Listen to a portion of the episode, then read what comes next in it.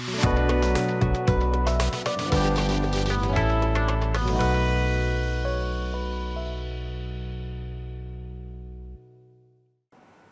္ဂလာပါရှင်မြန်မာပြည်သူပြည်သားအပေါင်းစိတ်ချမ်းသာခြင်းကိုယ်ရည်ချမ်းသာခြင်းနဲ့ပြည့်စုံကြပါစေလို့ PPTV ဖွဲ့သားတွေကဆုတောင်းမေတ္တာပို့သပါရယ်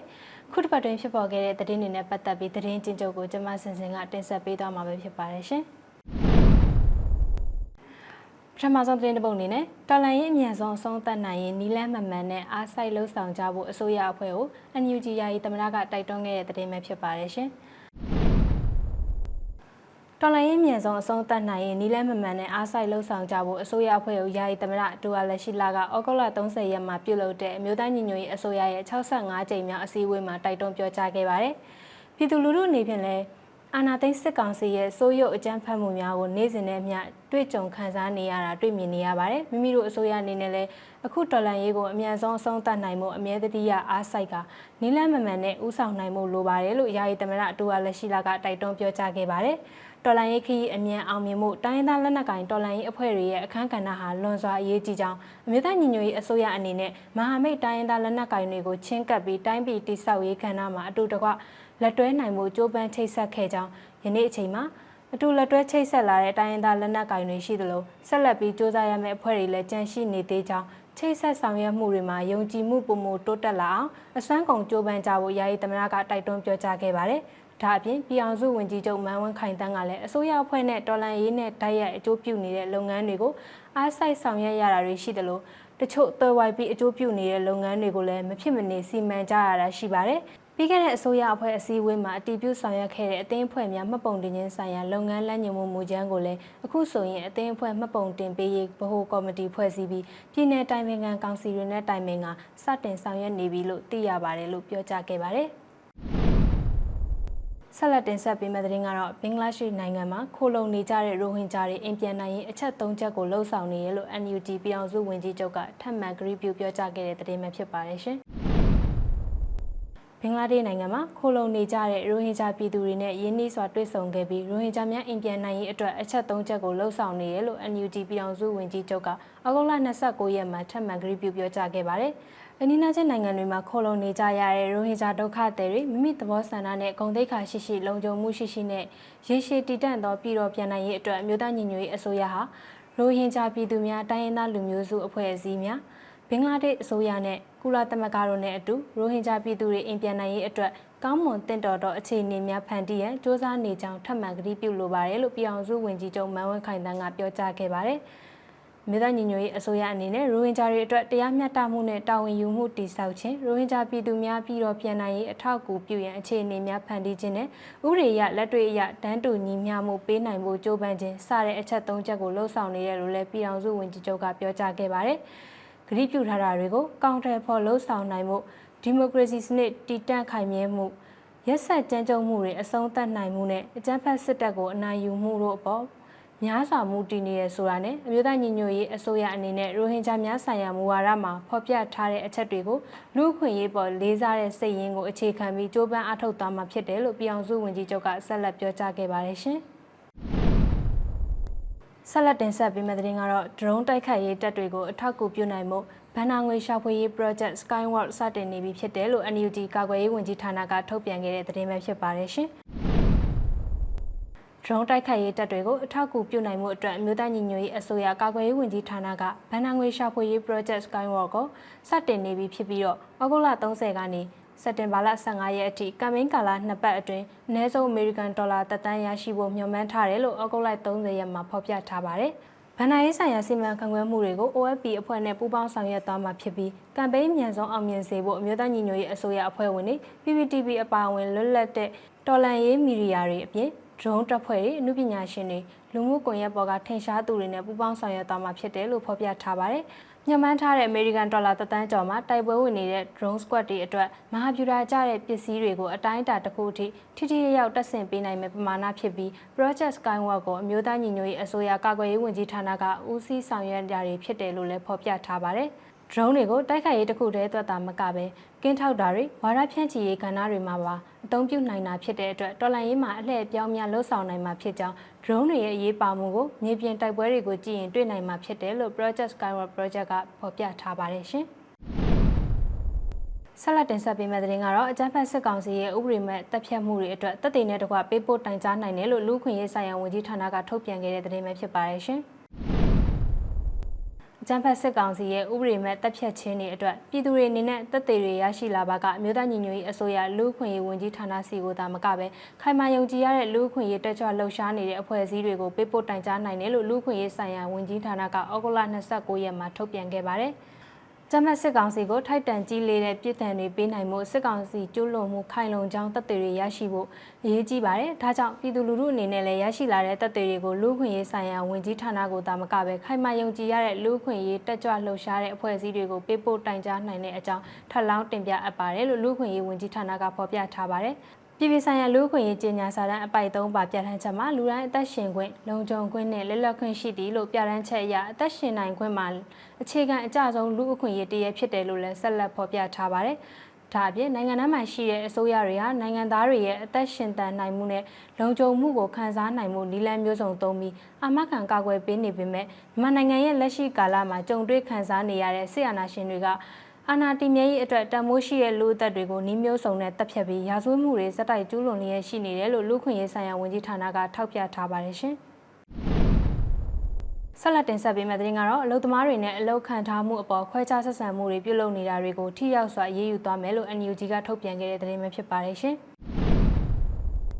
အလုသမားတွေနဲ့အလုခံထားမှုအပေါ်ခွဲခြားဆက်ဆံမှုတွေပြုလုပ်နေတာကိုထိရောက်စွာအရေးယူသွားမယ်လို့အမျိုးသားညီညွတ်ရေးအစိုးရအလုသမားဝန်ကြီးဌာနကဩဂုတ်လ28ရက်မှာထုတ်ပြန်ခဲ့ပါတယ်။အကြမ်းဖက်စစ်တပ်နဲ့အပေါင်းအပါလုပ်ငန်းရှင်တွေကတည်ဆဲဥပဒေပြဋ္ဌာန်းချက်တွေကိုမျက်ကွယ်ပြုပြီးအလုပ်သမားတွေရဲ့အပေါ်ဥပဒေမဲ့ရန်ကားမှုတွေပြောင်ပြောင်တင်းတင်းလှုပ်ဆောင်နေပြီးစကိုင်းမကွေးနဲ့မန္တလေးတိုင်းဒေသကြီးတို့အပါအဝင်ပြည်내အချို့ကအလုပ်သမားတွေကို၎င်းတို့ကင်ဆောင်ထားတဲ့မှတ်ပုံတင်ကိုအခြေခံပြီးအလုပ်ထုတ်ခြင်းအလုပ်မခံခြင်းအကြမ်းဖက်စစ်ကောင်စီခန့် အုပ်ချုပ်ရေးမှုတွေနဲ့ပူးပေါင်းပြီးဖိအားပေးခြင်းစတဲ့နည်းလမ်းပေါင်းစုံနဲ့ဖိနှိပ်မှုတွေပြုလုပ်နေတယ်လို့ဖော်ပြထားပါတယ်။လုပ်ငန်းခွင်ဒါမှမဟုတ်အလုပ်ခံထားမှုမှာတနည်းနည်းနဲ့ခွဲခြားဆက်ဆံခံရတဲ့အလုပ်သမားတွေအနေနဲ့အလုပ်သမားဝင်ကြီးဌာနတိုင်ကြားရေးရန်ရာကိုတိုင်ကြားနိုင်ပြီးအခြေခံလူ့အခွင့်အရေးနဲ့အလုပ်သမားအခွင့်အရေးချိုးဖောက်နေတဲ့အလုပ်ရှင်တွေကိုမှတ်တမ်းတွေရယူပြီးထိရောက်စွာအရေးယူသွားမယ်လို့ထုတ်ပြန်ချက်မှာဖော်ပြထားပါတယ်ရှင်။ ဆက်လက်တင်ဆက်ပေးမယ့်သတင်းကတော့ CDN တွေကိုဖိနှိပ်မှုပြုလုပ်နေတဲ့ NaN CDN ဝန်ထမ်းအရာရှိ189ဦးကို NUG ကအမည်ပြတ်စရင်သွင်းပြီးယာရုကထုတ်ပြန်ခဲ့တဲ့သတင်းပဲဖြစ်ပါတယ်ရှင်။စီဒီယန်တွေကိုဖိနှိပ်မှုပြုလုပ်နေတဲ့သာသနာရေးနဲ့ယဉ်ကျေးမှုဝန်ကြီးဌာနကနန်းစီဒီယန်ဝန်ထမ်းအရာရှိ189ဦးကိုအမျိုးသားညီညွတ်ရေးအစိုးရပြည်အောင်စုဝန်ကြီးမန်းဝင်းခိုင်တန်အမိန့်နဲ့မိပြက်စရင်သွင်းပြီးယာရုကထုတ်ပယ်လိုက်တယ်လို့စက်တင်ဘာ၁ရက်မှာသတင်းထုတ်ပြန်ခဲ့ပါတယ်။ထုတ်ပယ်လိုက်တဲ့သူတွေက ဝင်ကြီးယုံယဉ်ကျေးမှုက73ဦးအမှုပညာဦးစီးဌာနက18ဦးရှေးဟောင်းသူတေသနနဲ့အမျိုးသားပြတိုက်ဦးစီးဌာနက100ဦးနဲ့တမိုင်းသူတေသနနဲ့အမျိုးသားစာကြည့်တိုက်ဦးစီးဌာနက46ဦးစုစုပေါင်း189ဦးဖြစ်ပါတယ်။မြေပြက်စင်းနဲ့ယာရုကထုတ်ပယ်ခံလိုက်ရသူတွေဟာစီရီယံဝန်ထမ်းတွေကိုဖိအားပေးချင်းချောက်တာယာရုထုတ်ပယ်တာတရားစွဲတာ ပြန်ဆက်ရံမလို့တော့တဲ့ချင်းငွေတွေကိုအတင်းအဓမ္မပြန်လည်ပေးဆောင်ခိုင်းတာအဆရှိတဲ့ဖိနှိပ်မှုအမျိုးမျိုးကိုလှုံ့ဆော်နေကြတာဖြစ်တဲ့အတွက်ကြောင့်လို့သတင်းထုတ်ပြန်ချက်မှာဖော်ပြထားပါတယ်။မြို့သားညီညွတ်ရေးအစိုးရဝန်ကြီးချုပ်ရုံးအနေနဲ့လည်းအော်တိုဘာလမှစတင်ပြီးအမိတ်အာဏာဖီဆန်ရေးလှုပ်ရှားမှု CDM မှာပါဝင်ခဲ့ကြတဲ့ဝန်ကြီးဌာနမဖွဲ့ရသေးသောငါနာအသီးသီးမှနိုင်ငံဝန်ထမ်းသူရဲကောင်းတွေရဲ့လူမှုဖူလုံရေးလုံခြုံဘေးကင်းရေးနဲ့ဖိအားကင်းစင်ရေးတို့အတွက်အလေးထားဆောင်ရွက်နေတယ်လို့ဆိုထားပါတယ်ရှင်။ ဆက်လက်တင်ဆက်ပေးမယ့်သတင်းကတော့ Spring Yangon Investment အင်ယာစီမံကိန်းကိုစက်တင်ဘာ၁ရက်မှာစတင်ရောင်းချသွားမယ်ဆိုတဲ့သတင်းပဲဖြစ်ပါတယ်ရှင်။ Spring Yangon Investment အင်ယာစီမံကိန်းကိုစက်တင်ဘာ၁ရက်ကနေစတင်ရောင်းချတော့မှာဖြစ်တယ်လို့ TN Auditorship ကဩဂုတ်လ31ရက်မှာသတင်းထုတ်ပြန်လိုက်ပါတယ်။ရောင်းချမဲ့ရဲ့အပြောင်းလဲရှိရင်လည်းထပ်မံကြေညာပေးမယ်လို့ဖော်ပြထားသလိုရောင်းချမဲ့မြေကွက်တွေကနေဦးရိတ်မှုအမိပေးထားတဲ့မင်းဓမ္မမှာပေ60 80အကွက်100 နွေဦးမော်ကွန်းတဲ့အမည်ပေးထားတဲ့တန်တုမာမှာပေ60 80အကွက်200နဲ့နွေဦးမော်ကွန်းတဲ့အမည်ပေးထားတဲ့တန်တုမာမှာပေ40 60အကွက်400တို့ဖြစ်ပါတယ်။ဝယ်ယူမဲ့သူတွေကမြေကွက်တန်မိုးရဲ့40ရာခိုင်နှုန်းကိုတော်လိုင်းရေးကာလာအတွင်းပေးချေရမှာဖြစ်ပြီးတော့ကျန်တဲ့60ရာခိုင်နှုန်းကိုတော်လန်ရေးကာလအလွန်စီမံကိန်းပြင်ဆင်ချိန်မှာပေးချေရမှာဖြစ်ပါတယ်။ကြွတင်ပေးချေရမယ့်တန်မိုးငွေ40ရာခိုင်နှုန်းကိုလည်း3လအတွင်းမှာ3ချိန်အထိအရေးကြငွေပေးချေနိုင်ပြီးတော့နောက်ဆုံးငွေပေးချေရမယ့်ရက်ကနိုဝင်ဘာ30ရက်ပါ။ ဝယ်ယူမဲ့သူတွေအနေနဲ့3ဦးအထိအများဆုံးဆက်တူဝယ်ယူနိုင်ပြီးတော့ပထမအရေးငွေပေးပေးချေမှုကပေးချေရမယ့်ငွေပမာဏရဲ့အနည်းဆုံး3ပုံတစ်ပုံရှိရမယ်လို့ဖော်ပြထားပါတယ်။စီကံချက်တွေအနေနဲ့ကတော့ပမာဏမပြည့်အောင်မပေးချေနိုင်ရင်မြေပိုင်ခွင့်ရရှိမှာမဟုတ်ပဲတော်လန်ရေးအလွန်ကာလမှာတော့အဲ့ဒီပေးသွင်းထားတဲ့ငွေပမာဏအတိုင်းပြန်လည်ထုတ်ပေးသွားမှာဖြစ်ပါတယ်။ ငွေပေးချေမှုမှာ NUG Pay DMMK နဲ့ငွေပေးချေနိုင်တယ်လို့မြန်မာကျပ်ငွေနဲ့ပေးချေလိုတယ်ဆိုရင်လည်းဝန်ဆောင်မှုပေးနိုင်တဲ့ agent တွေစီကနေဓာတ်ရိုက်ဆက်သွယ်ဝယ်ယူနိုင်ပါတယ်။ငွေပေးချေမှုတိုင်းအတွက်ငွေရပြေစာရရှိမှာဖြစ်ပြီးတော့ငွေအခြေချေပြီးတဲ့အခါကျရင်မြေပိုင်ဆိုင်မှုအာမခံစာချုပ်ရရှိမှာဖြစ်ပါတယ်။ဝယ်ယူတဲ့သူတွေက2ဦးဒါမှမဟုတ်3ဦးဆက်တူဝယ်ယူရဆိုရင်မြေပိုင်ဆိုင်မှုအာမခံစာချုပ်မှာမြေပိုင်ဆိုင်သူအလုံးရဲ့အမည်တွေကိုဖော်ပြပေးမှာဖြစ်ပါတယ်။ Spring Yangon Investment အင်အားစီမံကိန်းကိုပြည်ပနိုင်ငံသားများအနေနဲ့လည်းဝယ်ယူနိုင်ပြီးတော့တော်လိုင်းရေးကာလအလွန်မှာຫນွေဦးရန်ကုန်မြေကွက်တွေကိုနိုင်ငံသားပိုင်ဆိုင်မှုခွင့်ပြုတဲ့တည်တံ့အမိတ်ဒီဂရီဥပဒေတွေပြဋ္ဌာန်းပေးသွားမှာဖြစ်ပါတယ်။လက်ရှိအချိန်မှာစီမံကိန်းနေရာမှာမြေကွက်နံပါတ်နဲ့အကွက်ရိုက်ထားတာမရှိသေးပေမဲ့လည်းတော်လိုင်းရေးလွန်ကာလစီမံကိန်းပြင်ဆင်ချိန်မှာမြေကွက်နံပါတ်ပါတဲ့ plan အတိအကျထွက်မယ်လို့ဖော်ပြထားသလို Alipad မှာပါဝင်သူတွေကစီမံကိန်းပြင်ဆင်ချိန်မှာမြေကွက်ရွေးချယ်ခွင့်ရမယ်လို့ဆိုထားပါတယ်။ကြံတဲ့ဝယ်ယူသူတွေအတွက်မြေကွက်နံပါတ်နေရာကိုမဲစနစ်နဲ့ရွေးချယ်သွားမှာဖြစ်ပြီးစီမံကိန်းနေရာတွေကအကွက်အကွင်းကျတဲ့နေရာမှာရှိပြီးအဝင်အထွက်လမ်းတွေကလေးကစားကွင်းပန်းညံစတာတွေကိုမျှတအောင်နေရာချထားမှာဖြစ်ပြီးချောင်ကျတဲ့မြေကွက်နေရာတွေပါဝင်မှာမဟုတ်ဘူးလို့ဆိုထားပါတယ်။မြေဂရန်မျိုးစားမှာ260မြေငါးခရန်ဖြစ်ပြီးဂရန်ပြည့်ချိန်မှာအစိုးရရဲ့သဘောတူညီချက်နဲ့ထပ်ဆောင်အငှားကာလ10နှစ်နဲ့နောက်ထပ်10နှစ်တိုးခွင့်ရရှိမှာဖြစ်တယ်လို့စီမံကိန်းပြင်ဆင်ချိန်မှာ တတ်မှတ်လက်ကျန်ငွေပေးချေပြီးတာကမြေကရန်ရရှိမှာဖြစ်ပါတယ်။ပိုင်ဆိုင်မှုအထောက်အထားမြေကရန်ရရှိပြီးပါကတီဆဲဥပဒေများအရလွှဲပြောင်းရောင်းချခွင့်ရှိရလို့ဖော်ပြထားသလိုစီမံကိန်းပြင်ဆင်ချိန်မှာပေးချေရမယ်60ရာခိုင်နှုန်းကိုဝယ်ယူသူများအဆင်ပြေစေမဲ့အရေးကြစင်းနဲ့ပေးသွင်းနိုင်ရန်စီစဉ်ထားမှာဖြစ်တယ်လို့လည်းဖော်ပြထားတာတွေ့ရပါတယ်ရှင်။လက်တင်ဆက်ပေးမဲ့တဲ့တင်ကတော့ခင်ဦးမြို့နယ်အတွင်းကတိုက်ပွဲမှာအကြမ်းဖက်စစ်တပ်ဘက်ကအရာရှိတွေအပါအဝင်34ဦးသေဆုံးခဲ့တဲ့တဲ့တင်ပဲဖြစ်ပါတယ်ရှင်။ စကိုင်းတိုင်းခင်ဦးမြို့နယ်အတွင်းမှာမနေ့ကဖြစ်ပွားခဲ့တဲ့တိုက်ပွဲအတွင်းအကြမ်းဖက်စစ်တပ်ကအရာရှိတွေအပါအဝင်34ဦးထိသေဆုံးထားခဲ့တာဖြစ်တယ်လို့ခင်ဦးမြို့နယ်သတင်းမှန်ပြန်ကြားရေးကစက်တင်ဘာလ1ရက်မှာထုတ်ပြန်ထားပါတယ်။ တည်နေတဲ့အရာတွေတဲက3ပွင့်အဆင့်နဲ့2ပွင့်အရာရှိ3ယောက်ပါဝင်နေတာဖြစ်တာကြောင့်အကြမ်းဖက်စစ်တပ်ကအလောင်းတွေကိုရဟတ်ရင်နဲ့လာရောက်တဲဆောင်မှာဖြစ်တဲ့အတွက်ဒေသခံပြည်သူတွေအနေနဲ့လုံခြုံရေးအသိနဲ့နေကြဖို့ဒေသတွင်းပြည်သူ့ကာကွယ်ရေးတပ်တွေကတတိပေးထားပါတယ်။အကြမ်းဖက်စစ်တပ်ကတေဆုံးမှုများတဲ့အခါတွေမှာပြည်သူတွေနေတဲ့ကြေးရွာတွေကိုဝင်ရောက်မီးရှို့ဖျက်ဆီးတာပြည်သူတွေကိုဖမ်းဆီးနှိပ်စက်တပ်ဖြတ်တာတွေပြုလုပ်နေကြတာပါ။ဒါအပြင် အလောင်းပြန်တဲတဲ့အခါမျိုးမှာအနီးပတ်ဝန်းကျင်ကကြေးရွာတွေကိုပါရဟတ်ရင်တွေနဲ့ပြစ်ခတ်တိုက်ခိုက်မှုတွေပြုလုပ်နေကြတဲ့အတွက်ဒေသခံပြည်သူတွေအနေနဲ့အကြမ်းဖက်စစ်တပ်ရဲ့အချိန်မီစီးနှင်းဝင်ရောက်လာမှုတွေကိုလုံခြုံရေးအသိနဲ့ကြိုတင်နေထိုင်ကြဖို့ပြည်သူ့ကာကွယ်ရေးတပ်တွေကအသိပေးထားတာပါကျန်းဖက်စစ်တပ်ကရွှေဘိုလေးကျင်ရေးရှိစစ်စေးရေးဂိတ်ရွှေဘိုမြောက်ဖက်အထက်မဟာနနာကန်တော်လမ်းထိပ် OMC မူးပေါင်စစ်စေးရေးဂိတ်ရေဦးမူးမြစ်ကူတရားအနောက်ထိပ် ကြာပန်းဝိုင်းစစ်စေးရေးဂိတ်ကမ်ဘလူဇီကုံ MEC တကြားဆက်စစ်စေးရေးဂိတ်တွေမှာငားမြန်းဆောင်ခအုနာမှတ်ပုံနဲ့ကင်ဆောင်ထားတဲ့သူတွေကိုအကြောင်းမျိုးမျိုးပြပြီးဖမ်းဆီးမှုတွေရှိနေတဲ့အတွက်မလိုအပ်ပဲအပြင်သွားလာမှုတွေကိုတတိထားကြဖို့အတွက်လည်းခင်ဦးမြို့နယ်သတင်းမှန်ပြန်ကြားရေးကထုတ်ပြန်ထားပါတယ်ရှင်ဆက်လက်တင်ဆက်ပေးမယ့်သတင်းကတော့လူထုကောင်းဆောင်ဒေါအောင်ဆန်းစုကြည်ရဲ့နေအိမ်ကိုအမျိုးသားဆင်ရင်ကျေးမှုအမွေနှစ်အဖြစ်အမျိုးသားညီညွတ်ရေးအစိုးရကတတ်မှတ်လိုက်တယ်ဆိုတဲ့သတင်းပဲဖြစ်ပါတယ်ရှင်။ လူလူခေါင်းဆောင်ဒေါအောင်ဆန်းစုကြည်ရဲ့နေအိမ်ဖြစ်တဲ့ဗဟန်းမြို့နယ်တက္ကသိုလ်ရိပ်သာလမ်းအမှတ်5456ကိုဂျာကာလာရဲ့အမျိုးသားအစင်ရင်ကျေးမှုအမွေနေ့အဖြစ်သတ်မှတ်လိုက်တဲ့ဆိုပြီးတော့အမျိုးသားညီညွတ်ရေးအစိုးရယာယီသမရတူဝါလက်ရှိလာကစက်တင်ဘာ2ရက်ရက်စွဲနဲ့ထုတ်ပြန်လိုက်ပါတယ်ထုတ်ပြန်ချက်ထဲမှာတက္ကသိုလ်ရိပ်သာလမ်းအမှတ်5456ရဲ့ခြံဝန်းဧရိယာ1.923ဧကနဲ့အဲ့ဒီမြေဧကပေါ်မှာရှိတဲ့ရွှေပြောင်းများတဲ့အဆောက်အအုံအလုံးကိုဂျာကာလာရဲ့အမျိုးသားအဆင့်ရင်ကျေးမှုအမွေနေ့အဖြစ်သတ်မှတ်ထားလိုက်ပြီးဆိုပြီးဖော်ပြထားပါတယ်။ အခုလိုသတ်မှတ်တာကအစိုးရအဖွဲ့အစည်းအမှတ်စဉ်65ရဲ့အတည်ပြုချက်အရမွေနှစ်ဆိုင်ရာဂျာကာလာစီမံအုပ်ချုပ်မှုဗဟိုအဖွဲ့မှထုတ်ပြန်ထားတဲ့ယဉ်ကျေးမှုမွေနှစ်ဆိုင်ရာစံမုံသတ်မှတ်ချက်အမှတ်စဉ်ကယဉ်ကျေးမှုမွေနှစ်များကာကွယ်ထိန်းသိမ်းရေးဥပဒေ2019ပါဥပဒေပုံမှန်နှစ်ကကြီးခါခွေးတို့နဲ့အညီလှုပ်ဆောင်တာဖြစ်တယ်ဆိုပြီးဖော်ပြထားပါတယ်။ မြို့သားရင်ကျေးမှုအမွေနေ့ဖြစ်သတ်မှတ်ထားတဲ့အဲ့ဒီမြေနဲ့အဆောက်အုံနေရာကိုဘယ်သူမဆိုပိုင်ဆိုင်တာပိုင်ဆိုင်ရန်စူးစမ်းတာရောင်းချတာရောင်းချရန်စူးစမ်းတာဖျက်ဆီးတာဖျက်ဆီးရန်စူးစမ်းတာပုံစံပြောင်းတာပြင်ဆင်တာအခြားနည်းအသုံးချတာတွေကိုတင်းကျပ်စွာတားမြစ်ထားတယ်လို့ဖော်ပြထားပါတယ်အပိုင်းနှစ်ပါတားမြစ်ချက်တွေအပေါ်ဖောက်ဖျက်ကျူးလွန်ပါကရင်ကျေးမှုမွေနှစ်များကာကွယ်ထိန်းသိမ်းရေးဥပဒေ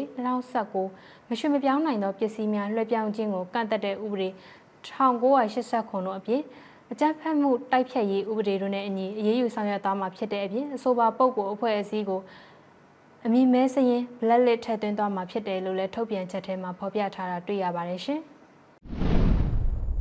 နောက်ဆုံးတင်ဆက်ပေးသွားမယ့်သတင်းကတော့ငွေကြေးဖောင်းပွားမှုကြောင့်မြန်မာစီးပွားရေးကအလွန်ထိတ်လန့်ပွဲကောင်းနေပြီးပြည်သူတွေပေါ်အကျိုးသက်ရောက်မှုတွေဖြစ်စေရလို့တာမတ်ကြီးဦးကျော်မိုးထွန်းကပြောကြားလိုက်တဲ့သတင်းပဲဖြစ်ပါတယ်ရှင်။ မြန်မာနိုင်ငံအတွင်းမှာငွေကြေးဖောင်းပွားမှုတွေကစီးပွားရေးအတွက်အလွန်ထိတ်လန့်ပွဲကောင်းရုံသာမကပဲမြန်မာနိုင်ငံအတွင်းနေထိုင်ကြတဲ့ပြည်သူတွေရဲ့လူနေမှုဘဝနဲ့စီးပွားရေးလုပ်ငန်းတွေအပေါ်အကျိုးသက်ရောက်မှုတွေလက်ငင်းဖြစ်ပေါ်စေရလို့တာမတ်ကြီးဦးကျော်မိုးထွန်းကပြောကြားလိုက်ပါတယ်။နယူးယောက်မြို့မှာစက်တင်ဘာ၁ရက်ကပြုလုပ်ခဲ့တဲ့ကုလသမဂ္ဂလူဦးရေရန်ပုံငွေအဖွဲ့ရဲ့နိုင်ငံအလိုက်ဆောင်ရွက်နေတဲ့အစီအစဉ်အစည်းအဝေးမှာအခုလိုထည့်သွင်းပြောကြားလိုက်တာပါ။လက်ရှိအခြေအနေမှာ COVID-19 ကပ်ရောဂါအပြင်မြန်မာစစ်တပ်ရဲ့တရားမဝင်အာဏာသိမ်းမှုတို့ကြောင့် မြန်မာပြည်သူတွေနဲ့အခက်အခဲပေါင်းများစွာရင်ဆိုင်နေကြရတယ်။ဒီလိုခက်ခဲတဲ့အခြေအနေမှာမြို့သမီးတွေမိန်းကလေးများအနေနဲ့အလွန်မင်းထိခိုက်လွယ်တဲ့အခြေအနေရှိတယ်။တရားမဝင်စစ်တပ်အာဏာသိမ်းမှုကြောင့်ပြည်သူတွေရဲ့လူမှုစီးပွားရေးဖွံ့ဖြိုးတိုးတက်မှုတွေနဲ့နေ့စဉ်လူမှုဘဝတွေမှာလည်းဆိုးရွားစွာထိခိုက်လျက်ရှိတယ်။အထူးသဖြင့်မြို့သမီးတွေနဲ့မိန်းကလေးငယ်တွေကပုံစံမျိုးမျိုးသောညှဉ်းပန်းနှိပ်စက်မှုကစပြီးနေရဆွန့်ခွာမှုတွေကိုပါကြုံတွေ့နေရလျက်ရှိပြီးတဲ့ဆိုပြီးတော့လည်းတန်မတ်ကြီးဦးကျော်မိုးထွန်းကထည့်သွင်းပြောကြားလိုက်ပါတယ်။ ဒါအပြင်စီးပွားရေးကဏ္ဍမှာလည်းအထူးဆိုရင်ရတယ်လို့ထောက်ပြထားပြီးအာဏာမသိမ်းခင်အခြေအနေမှာအမေရိကန်ဒေါ်လာငွေလဲနှုန်းကမြန်မာကျပ်ငွေ1400ခန့်သာရှိခဲ့ရမှာလက်ရှိအချိန်မှာအမေရိကန်ဒေါ်လာဒေါ်လာငွေလဲနှုန်းကမြန်မာကျပ်ငွေ4100အထိ3ဆခန့်တိတိတတ်တာမြင့်တက်ခဲ့တယ်လို့လည်းပြောထားတာတွေ့ရပါတယ်။ အဲ့လိုငွေကြေးဖောင်းပွားမှုတွေကမြန်မာစီးပွားရေးအတွက်အလွန်ထိတ်လန့်ဖွယ်ကောင်းရုံသာမကမြန်မာနိုင်ငံအတွင်းနေထိုင်ကြတဲ့ပြည်သူတွေရဲ့လူနေမှုဘဝနဲ့စီးပွားရေးလုပ်ငန်းတွေအပေါ်ဆိုးကျိုးသက်ရောက်မှုတွေလက်ငင်းဖြစ်ပေါ်စေရဆိုတာနဲ့ပုံမဆိုးရတဲ့အခြေအနေတို့ဥတည်နေရဆိုပြီးတော့လဲတာမတ်ကြီးရဲ့ပြောကြားချက်ကိုကုလသမဂ္ဂဆိုင်ရာမြန်မာအမြဲတမ်းကိုယ်စားလှယ်အဖွဲ့ရုံးကထုတ်ပြန်ထားပါတယ်ဒါကတော့တပတ်တွင်းဖြစ်ပေါ်ခဲ့တဲ့သတင်းကျဉ်းချုပ်ကိုတင်ဆက်ပေးခဲ့တာပဲဖြစ်ပါတယ်ကျေးဇူးတင်ပါတယ်ရှင်